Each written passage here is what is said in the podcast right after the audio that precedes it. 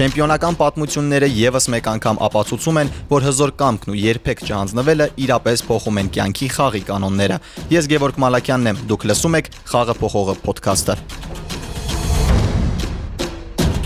Շատերի կարծիքով կան մարզաձևեր կամ մարտարվեստներ, որոնք նախատեսված են միայն տղամարդկանց համար, իսկ կանայք ուղակի պետք է լինեն հանդիսատեսի դերում։ Դա բնականաբար այդպես չէ։ Հայաստանում կարատեն վերելք է ապրում եւ դրա կարևոր առաջ մղող ուժերից է Անիտա Մակյանը, որը շարունակաբար կոտրում է բոլոր կարծրատիպերը։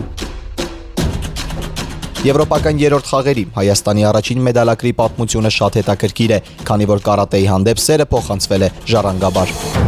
Ողջույն Անիտա։ Ողջույն։ Ինչպե՞ս ես։ Շատ լավ։ Շատերը նշում են, որ շատ սպորտաձևեր կան, որ ընդհանրապես ընդամենը մեկ սերի համար են տղաների համար են, այլ ոչ աղջիկների համար են։ Դու ընդհանրապես փաստում ես այլ բան։ Եվ ոչ միայն դու, այլ շատերը, բայց ես ցանկանում եմ, որ մենք քո պատմությունը սկսենք ամենասկզբից։ Ես գիտեմ, որ դու սպորտային ընտանիքից ես։ Քո հայրը, քո եղբայրը զբաղվում են կարատեով։ Ինչու դու եւս որոշեցիր զբաղվել այս սպորտաձևով։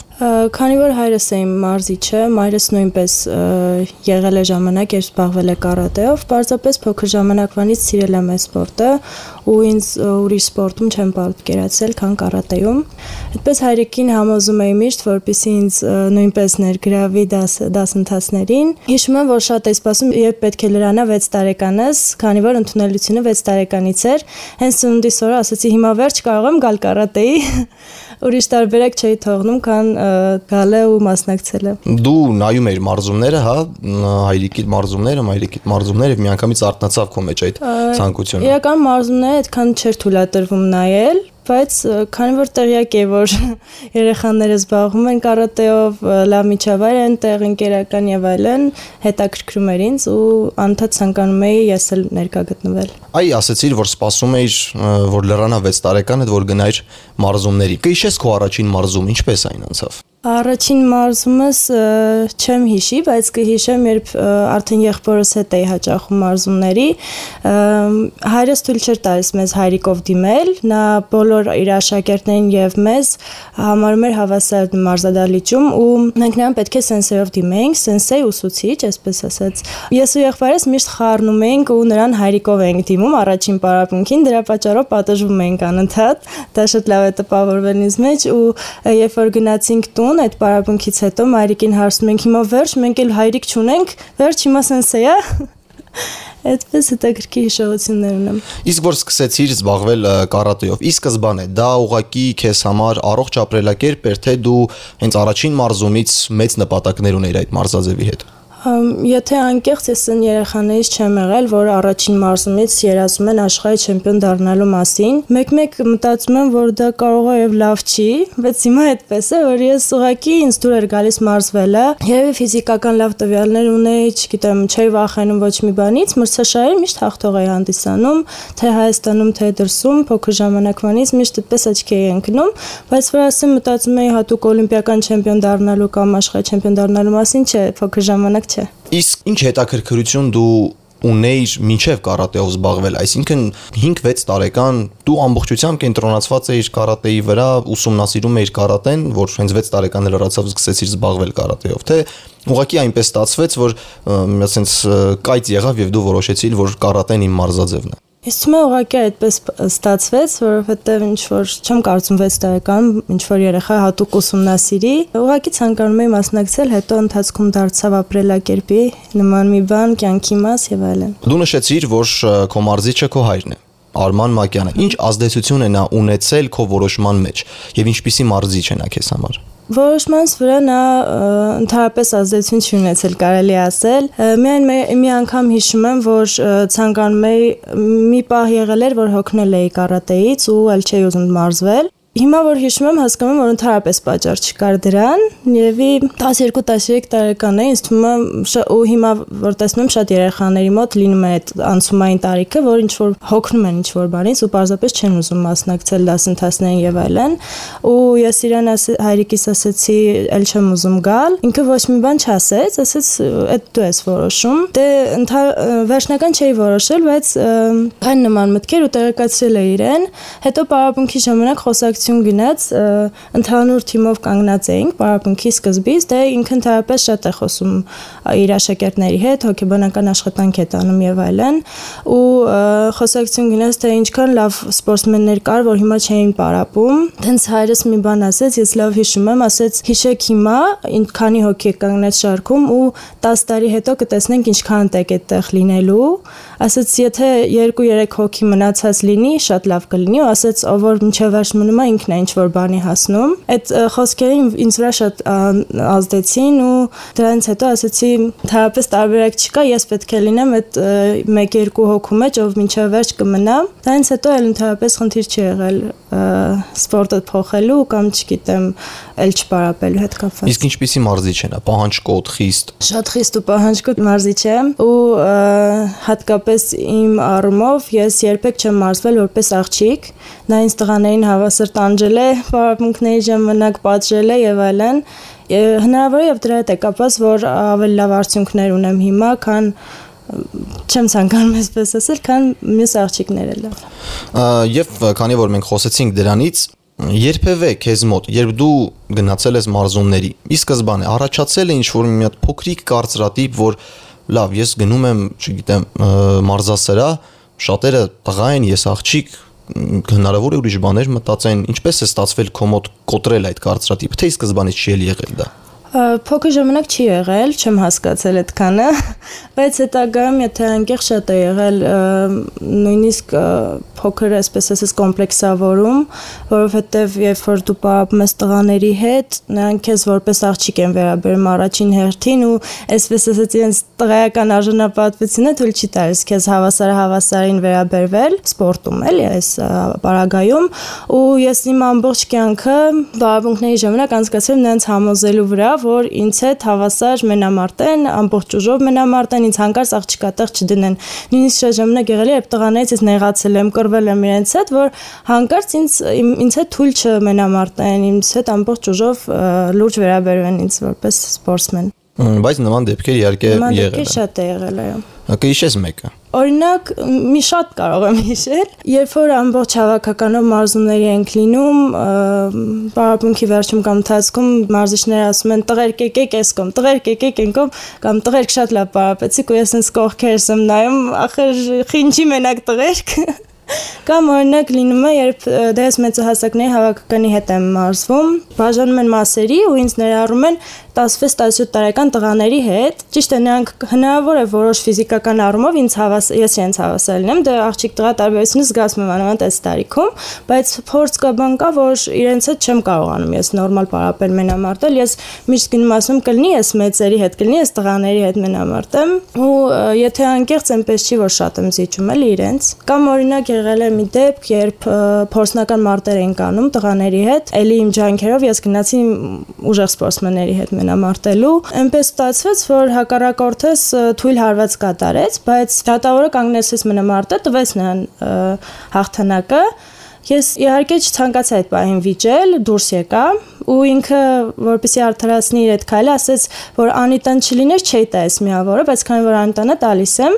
այսինքն Անիտային կարելի է թույլ միավորներ գնահատել ու որպեսի նա ուղակի դուրս գա ու չշարունակի մենամարտը։ Ընդհանրապես ես չեմ սիրում վիճել այդ առումով, բայց այդ պարագայում ինձ դա դուր չեկավ ու ես կանգնեցի, ասացի, եթե այդպես է, ես կշարունակեմ մենամարտը, մի տվեք այդ միավորին, չէ նշանակում, որ նա աղջիկ է, ուրեմն թող դուրս գա, լավ թույլ միավորն է կգնա գնահատենք տղայի։ Ես կարող եմ փաստել, որ կոտրել ես այդ կարծրատիպը, այն էլ ինչպես առանձնահատուկ հաջողության ես հասել։ Եվրոպական երրորդ խաղերում դու նվաճել ես Հայաստանի պատմության առաջին մեդալը։ Ինչպես ստացվեց այդ ճանապարհը դեպի պատվոհարթակ ճանապարհը շատ բարձ ստացվեց իրականում ինձ թվում է եւ հենց այդտեղ էլ կայանում է արժեքը մեդալի ու հետաքրքրությունը այդ ամեն ինչի ընդհանրապես տարին ինձ համար շատ դժվար է սկսել թե ֆիզիկական թե հոգեբանական առումով հետո երբ ես նախորդ Եվրոպայի առաջնությանը 5-րդ տեղ էի վերցել չէի կարողացել դժվար մենամարտում կողմնապահության պատճառով մեդալ չէի կարողացել վերցնել այս տարվա Եվրոպայի առաջնությունում մեկ մենամարտ հաղթելուց հետո պարտվեցի շատ ավելի վատ կողմնապահության պատճառով հենց Իսպանիայում իսպանացի մարզուհուն ու որ անդադ հարվածներ էի ստանում դա չկոտրեց ինձ այսպես ասած ու ես շարունակում էի միշտ մարզվել շարունակում էի պահել դիսցիպլինան ու անկախ ամեն ինչից ես այդ օրը ուզում եմ մարզվել թե ոչ ես այդ օրը պատրաստ եմ ֆիզիկապես թե ոչ ես գնում էի մարզադահլիճ հետո այդպես ստացվեց որ ռեյտինգս հերիքեց ու ես ընդգրկվեցի այն մարզիկների շարքում, ովքեր կմասնակցեն եվրոպական խաղերին։ Անկեղծ ասեմ, շատ քիչ մարդիկ են եղել, որ հավատացել են, որ ես մեդալ կվերցնեմ։ Նախ նրա համար, որ ընդհանրապես մեդալ չի եղել Հայաստանում, այլ մեծահասակների պայքարում, հետո կոնկրետ ինձ միշտ ես այդպես եմ զգացել ամեն դեպքում, որ երկրորդ պլան եմ եղել ֆեդերացիայում Հնարավոր է ոչ իմ անձնական մասչի համար, բայց ես միշտ այդպես զգացել եմ, որ աղջիկները ու ես միշտ երկրորդ պլան ենք, ոչ մեկ չի հավատացել, որ հնարավոր է մեդալ ես վերցնեմ, բայց կարողացա փառքաստում հասա։ Իսկ եթե համեմատական անցկացնես ինքդ քեզ համար ինչպիսին ներ դու նախորդ տարի եւ ինչպիսին ներ դու այս տարի մարզական առումով միայն ինչ համեմատականներ կանցկացնես Ես ճիշտ ասած հենց այդ հարցի շուրջ մտածում եի ես վերջերս այս տարին ավարտել եմ top 33-ում համաշխարհային դա նշան որ բավականին բարձր արդյունք է ճիշտ է ես ավելին եմ ձգտում բայց Հայաստանում լավագույն ռեյտինգ ունեցող մարզիկն եմ Նախորդ տարի նույնպես top 33-ում էի, բայց մարզական առումով հիմա շատ ավելի բարձր մակարդակի վրա եմ։ Ես գիտեմ նաև, որ դու բացի սպորտից կարևորություն ես տալիս նաև կրթությանը։ Դու սովորում ես Մխիթար Հերացու բժշկական համալսարանում։ Արդեն ավարտել ես, բայց շարունակում ես կարևորություն տալ։ Ինչպես ես կարողացել համատեղել այդ ընթացքում ուսումը եւ սպորտը։ Իրականում ես ուսմանը կարևորություն տվել եմ ընտանիքի շնորհիվ։ Ծնողներս միշտ ասել են, որ պետք է սպորտսմենը լինի առաջին հերթին կրթված ու դպրոցից շատ լավ եմ սովորել։ Էլի դպրոցում էլ մրցակցություն է եղել տղաների հետ, մի լավ սովորող տղա կար, իր հետ էինք միշտ մրցում ուսումնական առումով իհարկե։ Այդպես դպրոցում լավ սովորելու արդյունքն էլ տվեց, որ որոշեցի ընդունվել բժշկական համալսարան, բայց շատ մեծ դժվարությունների հանդիպեցի այնտեղ, որովհետև շատ դժվար էր համատեղել ուսումն ու սպորտը։ Բժշկական համալսարանում սովորել ինքնին դժվար է ու եթե դրանից ու գահարտու ցանկանում ես լինել պրոֆեսիոնալ սպորտսմեն, ուրեմն պետք է ամեն վարքյանդ հաշվարկած լինի ու դու կարողանաս բաշխել, թե երբ պետք է սովորես դասեր, երբ պետք է հանգստանաս, քնի ռեժիմ պահես, հաց ուտես, գնաս պարապմունքի, խոսքով շատ դժվար է։ Ամբողջական դիսցիպլինա։ Իրոք։ Ոչ մի ազատ ժամանակ չես ունենում այդ ընթացքում ու այդ հնարավոր է որոշ չափով նաև դժում է սոցիալական կյանքը, ընկերներից հետ շփումը ու շնորհակալ եմ այդ արմով իմ ընկերներին, որ իրենք օրինակ գիտեին, որ Անիտան այս այս օրերին պարապմունքի է ու իրենց անկերական հանդիպումները ամեն ինչը այնպես էինք կազմակերպում, որ համընկնի, որ ես ազատ լինեմ ու կարողանամ մասնակցել։ Քեզանից զատ Մխիթար Հերացու անվան բժշկական համալսարանում սովորել է նաև քո եղբայրը։ Այսինքն կարող ենք մենք նշել, որ թե մարզական եւ կյանքից եւ թե մարզական կյանքից դուրս պայքար եղել է։ Հնարավոր է ինչ որ փոքրիկ պայքար լիներ։ Այո։ Միշտ եղել է պայքար, սկսած տնից։ Միշտ կրվել ենք իրար հետ, իսկ հա իրականում դահլիճում շատ մեծ պայքար է եղել։ Ճիշտ է, ես իրենից մեծ եմ եղել